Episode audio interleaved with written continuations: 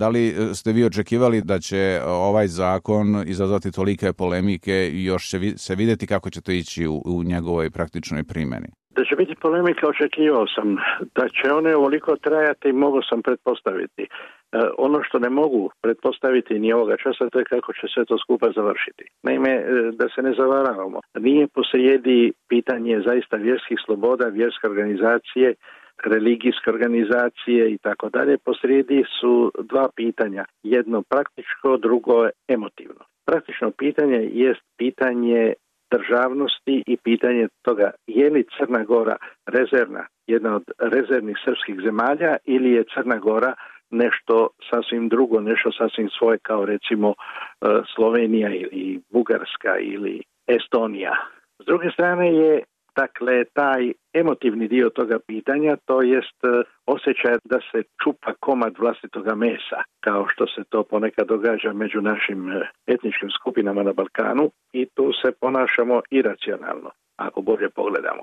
Kao što nam pokazuje slučaj Kosova, kao što nam pokazuju neki drugi slučajevi gdje se završavalo u ratovima, u krvoprolićima. Nadamo se da ovaj put toga neće biti, da se baš da dva oka u glavi nekadaša neće biti baš toliko razroka. Naravno da je ključno pitanje unutar svega toga pitanje državne vlasti i pitanje funkcioniranja crkve kao što su neki rekli ideološkog aparata države to nije izmišljotina marksista niti izmišljotina 20. stoljeća, inače Rasko Nemanjić ili Sveti Sava ne bi bio odvajao crkvu i ne bi se bio toliko potrudio oko stjecanja autekefalnosti srpske crkve da nije bio svjestan toga da u onim periodima, a to se i dan danas događa u svijetu gdje funkcioniraju pravoslavne crkve, pogledajmo slučaj Ukrajine, funkcioniranje države nije do kraja dovršeno ako ne postoji i državna crkva. U tome je tu zapravo riječ. Srpska pravoslavna crkva u Crnoj Gori se poima među njezinim pristašama i, i u Srbiji kao srpska državna crkva. A Milo Đukanović to također gleda upravo tako kao da je to srpska državna crkva, znači agentura druge države u njegovoj državi. Dakle, e, onda nije reč samo o pitanju e, pravnog statusa imovine, crkvene imovine, kako je rečeno prilikom donošenja ovog zakona, nego i u ovom širem kontekstu o kome ste rekli, dakle, da li je Crna Gora rezervna ili druga srpska država ili je država sui generis u smislu da je jel, potpuno druga neka država kao što su Slovenija i Hrvatska i upravo tu dolazimo do tog ključnog pitanja. Dakle, e, Crna Gora je na referendumu 2006. obnovila svoju državnost koju je imala i u 19. E, veku, Dakle, obnovila je svoju državnost u političkom smislu. Međutim, kao što ste sami rekli, na kulturnom i verskom planu većina pravoslavaca u Crnogori ističe da govore srpski jezik, odnosno da su sledbenici Srpske pravoslavne crkve. Dakle, da li ovim crnogorski establishment pokušao da ojača svoju državnost i na kulturnom i, da kažem, religijskom, odnosno spiritualnom planu? Spiritualnog tu ima vrlo malo uh, ili ništa. Riječ je, po mom mišljenju barem, riječ je zaista samo o jačanju državnosti i njezinih, njezinih elemenata. Ali kažem, ima i ovaj emotivni dio. Nemojmo zaboraviti da je insistiranje na crnogorskoj posebnosti bilo naglašeno i izvan redova Crnogorske pravoslavne crkve i prije toga sjetimo se Nikčevićeve borbe za crnogorski jezik, sjetimo se zapravo ponovnog e, buđenja, naglašavanja zetskog narječja koje kao što znamo ne pripada u štokavske govore, E, i s te strane je izdvojeno izvan onoga što smo nekad zvali srpsko-hrvatskim. Nema zaboraviti da je još uvijek, da je pokojni Škinjan rekao da će srpsko-hrvatski jezik ili hrvatsko-srpski, kako je on govorio, da će samo raspasti tek onoga časa kada se crnogorski iz njega izvuče. Jer sa bošnjacima, hrvatima i srbima, mislim svima koji koriste standarde bazirane na novoštokavskome ili, kako bi rekao, Ivić istočno-hercegovačkom narječju, tu su problemi malo veći. Naravno nisu isto tako veliki za Čakavci i Kajkavce u Hrvatskom, ali da ne odemo od glavne teme. U Crnoj Gori, međutim, to je dosta jasno. Da je, dakle, zetski govor, zetsko narječje, da je izdvojeno, da ono ne pripada ovim takozvanim e, štokavskim narječima i samim time insistiranje na tome također bilo insistiranje na posebnosti e, Crne Gore i Crnogoreca. Upravo zapravo najvažniji e, spoj između tih dviju nacija, dakle da je tu crkva viđena kao neka vrsta državnog aparata, državnog ideološkog aparata. Ako smijem samo nešto dodati, to jest specifično manje više za melkitske, znači za pravoslavne crkve, ali mi imamo situaciju na Balkanu da se i neke mjesne katoličke crkve ponašaju gotovo po istome ključu poistovjećujući konfesionalnu pripadnost, dakle pazimo da se razumijemo, to nije posrijedi druga vjera ili posrijedi kršćanstvo, nego je razlika samo recimo u konfesiji između katolika i pravoslavnih, dakle da poistovjećuju konfesionalnu pripadnost, konkretno recimo katoličku sa konkretno hrvatskom nacionalnom pripadnošću. Nato što tome što su unutar same crkve njihovi dostanici govore da to nije tako, ali to se tako percipira. Milo Đukanović je rekao da je cilj Crne Gore da prvo uredi na pravnom planu pitanje imovine, a s druge strane e, da Crna Gora kao nezavisna država ima i svoju crnogorsku crkvu. Dakle, da ponovim na neki način pitanje u situaciju koja je obnovljena, odnosno formirana Crnogorska pravoslavna crkva. Znamo da kroz istorije postojala Crnogorska pravoslavna crkva koja je ukinuta 918. odnosno 19. i tako dalje. A da druge strane postoji da, tako da kažem, ekspozitura neki kažu velike Srbije, Srpska pravoslavna crkva u Crnoj Gori, koju sledi, i to je verovatno problem, da tu crkvu sledi manjina pravoslavaca, verovatno bi to pitanje bilo mnogo lakše da se reši. Međutim, u situaciji kada mnogi u pravoslavci, uključujući i one koji se izjašnjavaju kao crnogorci, su zapravo sledbenici te crkve, na koju to Milo Đukanović Crnogorsku pravoslavnu crkvu misli kada kaže da želi da je obnovi, odnosno da je formira? Ha, to bi trebalo pitati izravno Mila Đukanovića jer meni je prilično teško odgovoriti na to hipotetsko pitanje budući da ne vidim načina, ne vidim barem jasnog načina, ne vidim načina u dva, tri jasna koraka kako se to može postići. Kao što ste točno rekli. S jedne strane tu postoji e, mitropolija Crnogorsko-Primorska koja je sada u sastavu Srpske pravoslavne crkve, međutim koja je do 1922. ne samo do 1819. nego zapravo tek nego zapravo do 22. godine bila autokefalna.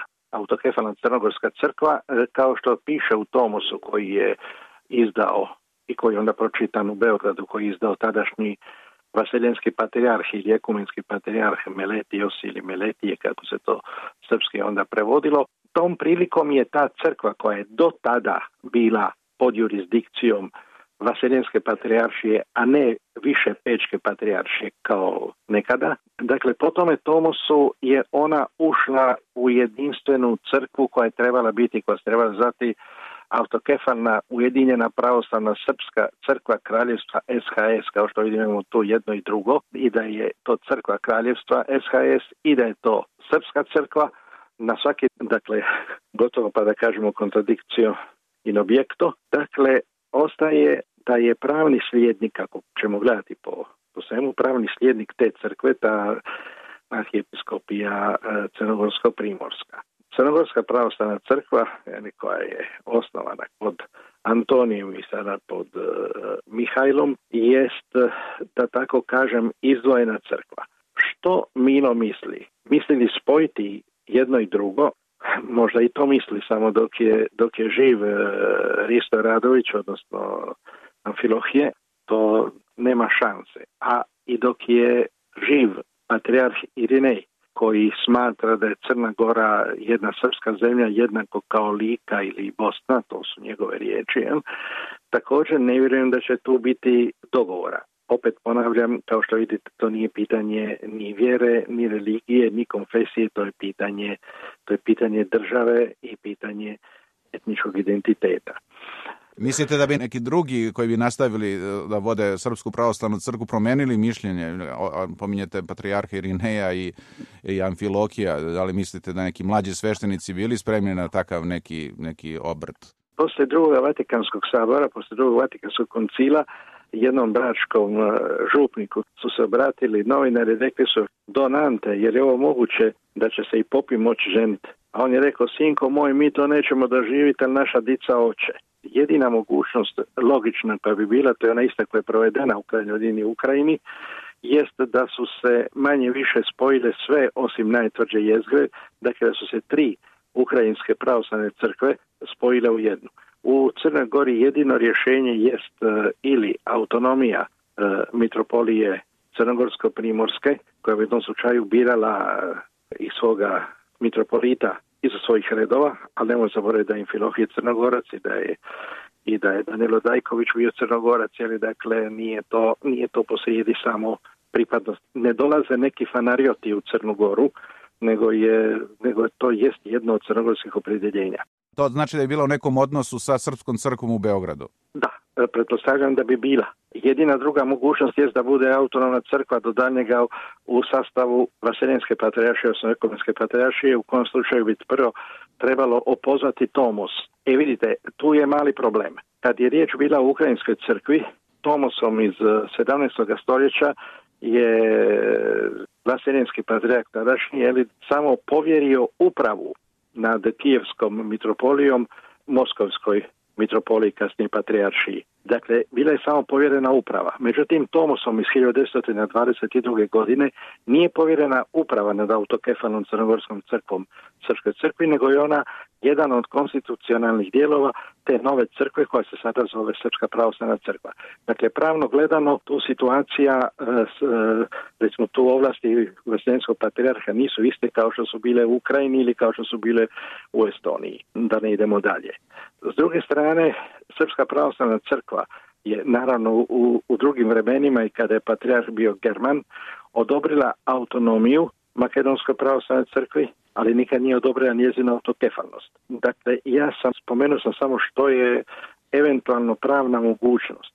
A politička? Ali, naravno da je, da je politička odluka nešto sasvim drugo, da ona ovisi o odnosu, o odnosu političkih snaga i o političkoj volji svake od tih snaga. Prema tome, Ujedinjenu crkvu je Aleksandar kupio novcem, naravno ne svojim, nego novcem naših predaka. Ima eh, u srpskom jeziku jedna krasna poslovica koja kaže da para vrti gde Burgija neće. Postoje neke kombinacije koje kažu da bi, naravno u varijanti ako bi bila autokefalna, onda da bi, da bi, da bi se mogao napraviti dil između, tako da kažem u žargonu, između Amfilohija i Đukanovića, da Amfilohije postane prvi patrijarh, a u ovoj varijanti ako bi bila autonomna da bude prvi crnogorski mitropolit. Patrijarh sigurno ne. E, može biti arhijepiskop jer glava autokefane crkve u pravoslavnim crkvama arhijepiskop. A samo neki od tih arhijepiskopa imaju i čast patrijarha i to im moraju odobriti svi ostali. Prema tome neće, kao što znate, kao što se na Kreti pokazalo prije par godina, da su pravoslavne crkve i dalje međusobno rogovi veći, e, nema mislim nema šanse da bi, da bi na Cetinju neko nosio ovaj bijelu kamilavku patrijarha. Ali arhijepiskopa zašto ne pože sveti i Makarije se bio samo arhijepiskop pa što mu je falilo. Znači neka varijanta autonomne crnogorske pravoslavne crkve koja što bi zapravo u situaciji u kojoj ova crnogorska crkva koja je obnovljena 93. godine nema u suštini mnoštvo sledbenika To je bilo neko uslovno rečeno kompromisno rešenje ko kojega bi se naravno morali saglasiti i crnogorske vlasti i crkva u Beogradu, a i ostale pravoslavne crkve u hrišćanskom svetu. To je stvar koja bi se riješila samo između na crkvenom planu između Beograda i Cetinja. A ostale pravoslavne crkve bi samo primile k znanju. Točno tako kao što je bilo i sa Makedonskom crkvom 1959. godine. Jer je to dalje ostaje onda unutrašnja stvar kao što je recimo ovo u Ukrajini, u Ukrajini formalno pravno gledano bila unutrašnja stvar Carigradske patrijaršije. I to je ono na što se, na što se patrijaršiji ili Moskovskoj i mogu, naj, mogu samo ovaj gristi, jer tako stvar pravno stoji. Da li on u tom, da kažem, političkom, širem političkom kontekstu je ponovo pokrenuto njega, inicijativa za njegovo usvajanje i na kraju je usvojen i zbog situacije Ukrajine, odnosno da li se Crna Gora nadala i smatrala da je sada prilika nakon jel, priznanja autokefalnosti uh, Ukrajinske crkve da je sada prilika i za Crnu Goru, da je sada povoljniji trenutak nego recimo pre pet ili deset godina za tako nešto? Ne vjerujem da su Podgorici razmišljali na taj način. Možda jesu, ali čudio bih se. Pretpostavljam da su razmišljali na vrlo jednostavan način. A to je da je opstanak neke vjerske zajednice vezan za njezina materijalna sredstva i za njezinu, ako hoće tako, i naravno za njezinu teritorijalnu ukorijenjenost o kojoj smo prije govorili kad ste spomenuli da je veći broj pravoslavnih vjernika u Crnoj Gori e, privođen Srpskoj pravoslavnoj crkvi, a ne Crnogorskoj pravoslavnoj crkvi. Dakle, svrha je zakona, pretpostavljam, bila tome da ispod nogu e, mitropolita Amfilohija, ispod nogu e, Srpske pravoslavne crkve u Crnoj Gori, izvuče njezin materijalni korijen, izvuče njezinu materijalnu osnovu. Da je uvjetuje ili ako hoćemo čak u cijeni njezinim materijalnim položajem. meni se to čini potpuno, potpuno jasnim. Koliko je to, da kažem, legitimno i legalno imajući u vidu dakle, velike sporove kod crkvene imovine? E, dakle, legalno je sve ono što usvoji parlament neke države.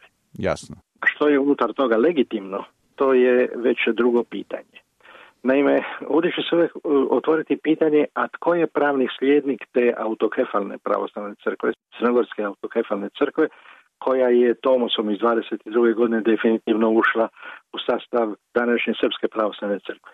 Da je njezin legitimni nasljednik zaista ovaj mitropolija Crnogorsko-Primorska, Srpske pravoslavne crkve, ili će se smatrati da je to oteto, da je to nešto što je bilo crnogorsko, što je crnogorska e, ne samo crkva, nego crkva i država, jer nemojmo zaboraviti da je sve do kneza Danila, odnosno vladike Eli, Danila drugoga koji je postao knjaz, da je dotad zapravo vladika bio etnarh, mitropolit je bio etnarh i imali su zapravo zajedničku imovinu. Crkva, crkvena i državna imovina nisu bile razlučene, kao ni u papinskoj državi do 1870. Crkvena zdanja, tako da ih nazovemo, koja su predmet spora. Dakle, koja su nastala, ne znam, u 17. veku, 18. veku, 19. veku, dakle sve do 1918. Dakle, manastir Ostrog i sve druga poznata i manje poznata zdanja, ona su bila deo tadašnje crnogorske pravoslavne crkve, gradio ih je narod, gradili su ih vladari i kome koji su bili mitropoliti da, među ostalim. Da, i ko, kome kako sada utvrditi kome to pre svega pripada i ko je, ko je vlasnik? Na moju sreću nisam pravnik, neću biti sudac koji će o tome suditi, ali mogu se recimo, mogu se kladiti na to da će sud koji bude sudio presuditi po tome e, tko će imati jaču političku moć. Tu se istovremeno prepliče jedno drugo pitanje. Dakle, kad se kaže formalno da, to je bila Crnogorska pravoslavna crkva, međutim, Srbi smatraju da je to bila Srpska crkva. A Crnogorci smatra e, da je, da je to Crnogorska crkva zbog, zbog tog dvojstva između srpstva i crnogorstva kroz istoriju, jer je veliki njegoš također se pisao i kao srbin i kao crnogorac, pa ga Srbi svojataju svoje... Napisao o, o nesretno srpstvo. E, govori, dakle, njegov vladika Danilo u Gorskom vijencu govori o srpstvu, ne govori o crnogorstvu. E, kralj Nikola na početku prvoga svjetskog rata, ili kad upućuje proglas za sebe i, i za svoga zeta, ili kralja Petra Srpskog, kaže nas dva stara srpska kralja. Dakle, mislim, možemo povlačiti te argumente oko identiteta etničkog ili nacionalnog, koliko god hoćemo, ali ovdje je posrijedi odnos između dviju država. Prije svega između dviju država, a ne između ovaj, dva etnika ili između dvije konfesije.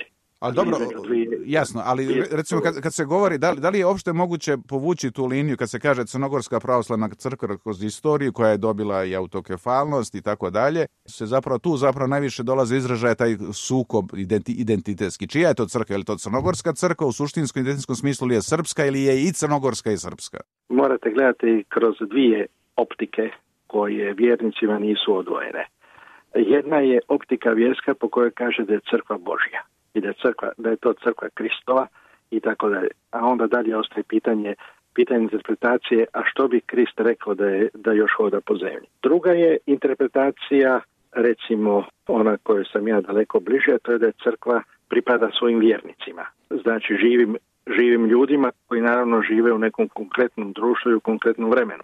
Prema tome čija je crkva? U ovom konkretnom slučaju e, se države koje imaju svoju državnu sudbenu vlast ponašaju kao da je crkva njihova. I tu je zapravo suština spora. Da, to je suština spora i taj spor se vjerojatno nikad neće razrešiti jer će Srbi uvek govoriti da je kroz istoriju to bila crnogorska, e, srpska crkva, ta crnogorska pravoslavna crkva, da je ona ogranak zetske eparhije još iz vremena, jel, kad je Sveti Sava, koga ste pomenuli na početku, izdejstvo autokefa, autokefalnost, a Crnogorci naravno još, još iz vremena vuku korene za svoje zahteve i stavove još iz vremena Duklje i tako dalje. I to je jedan sad identitetski spor koji će vjerojatno ostati još narednih 800 godina. Ma sigurno hoće. Nerazrešen, da. Mogli bi potegnuti pitanje, e, katolici bi mogli potegnuti pitanje toga s kojim je pravom ovaj, Sava Nemanjić e, istrgnuo, istrgnuo tu svoju zetsku eparhiju iz, sa područja sa područja Barske nadbiskupije Da.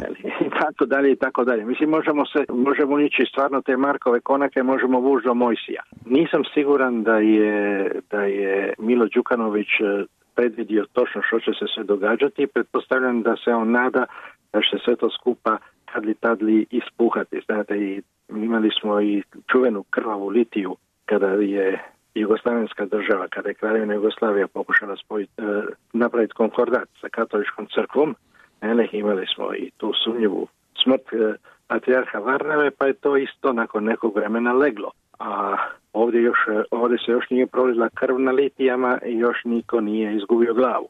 A da li je sve što se ovo dešava ima i taj da, još širi kontekst, pomenuo sam malo pre ukrajinski slučaj, vi ste rekli da ne mislite da, da ima to mnogo direktne veze, ali ima li veze sa nečim drugim? Naime, često se smatra... Sa, sa, ruskom državom, sa ruskom državom vjerojatno ima. Pre toga je jedna konstatacija, naime i Milo Đukanovića i generalno se smatra da nakon završenih ratova 90. godina na prostoru bivše Jugoslavije, nakon nestanka te zemlje i tako dalje, e, nakon poraza, e, e, da kažem, koncepta Velike Srbije, kako se tada to zvalo, dakle gubitaka u Hrvatskoj, Kosovu, pa i u Bosni i Hercegovini i tako dalje, nakon osamostaljivanja Crne Gore, da je taj koncept e, projekat Velike Srbije poražen, ali da je jedini i poslednji njegov ostatak e, Srpska pravoslavna crkva sa eparhijama u Crnoj Gori, u Bosni. A drugi segment je ovo što ste pomenuli oko Rusije, dakle ta činjenica da Rusija, da, da ruska država pokušava da utiče na Balkanu, da je Crna Gora nedavno primljena pre dve, tri godine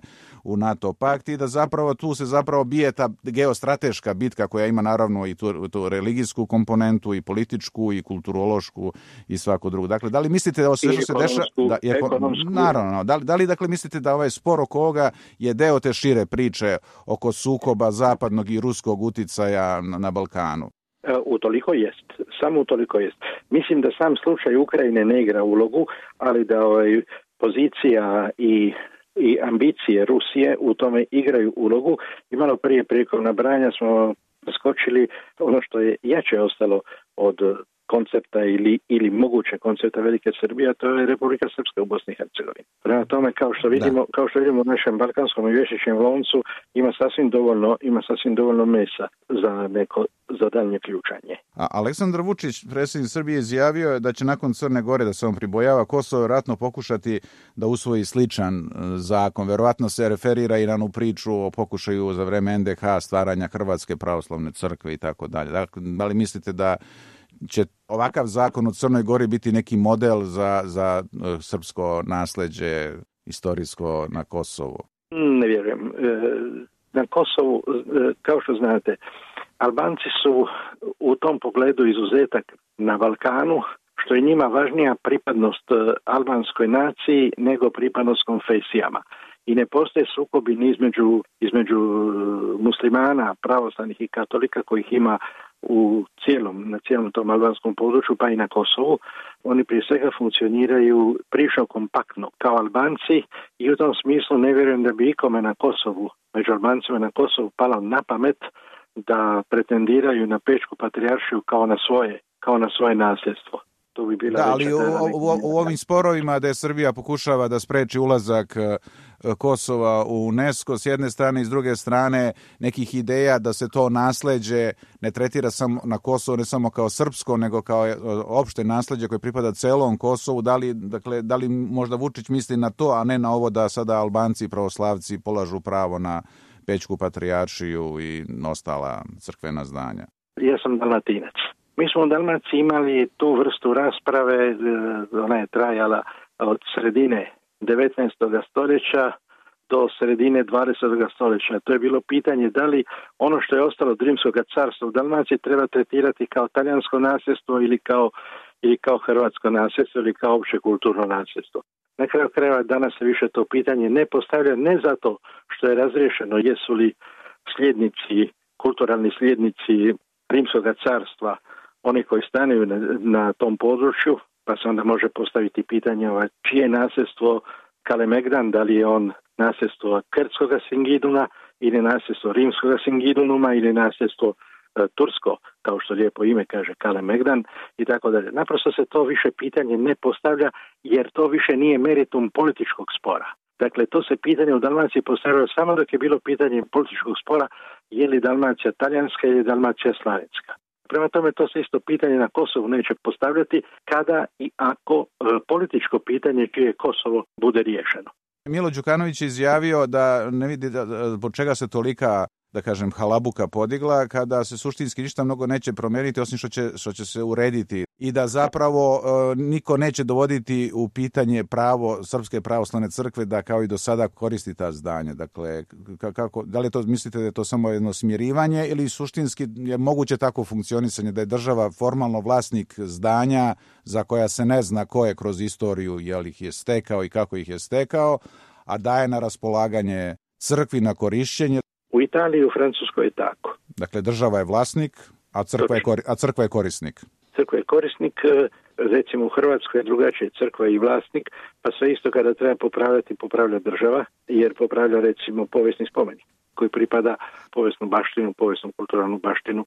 A kako bi to u prije slučaju Crne Gore funkcionisalo? Ne znam, Manastir Ostrog formalno je vlasnik e, Crnogorska država, njegov korisnik je do daljneg dok se ne reši pitanje jel neke autonomne crnogorske crkve ili već ne znam nija čega, Srpska pravoslavna crkva. Jedno je što kaže pravo, drugo je što kaže pravda, postoji rimska poslovica sumum jus suma injurija, to znači da se može vrhunskim pravnim instrumentom donijeti vrhunska nepravda. Na svaki način Crna Gora da bi osigurala svoju državnost morala se postaviti prema Srbiji kao prema stranome tijelu. I ovo što se sada događa u Crnoj Gori je posljedica upravo te odluke koja na neki način kontradicira onome istome što je isto crnogorsko rukovodstvo govorilo u početku 90. godina, znači kada je bila tema, odnosno teza, parola dva oka u istoj glavi. Nije prošlo mnogo vremena od kako se prva ta paradigma s dva oka promijenila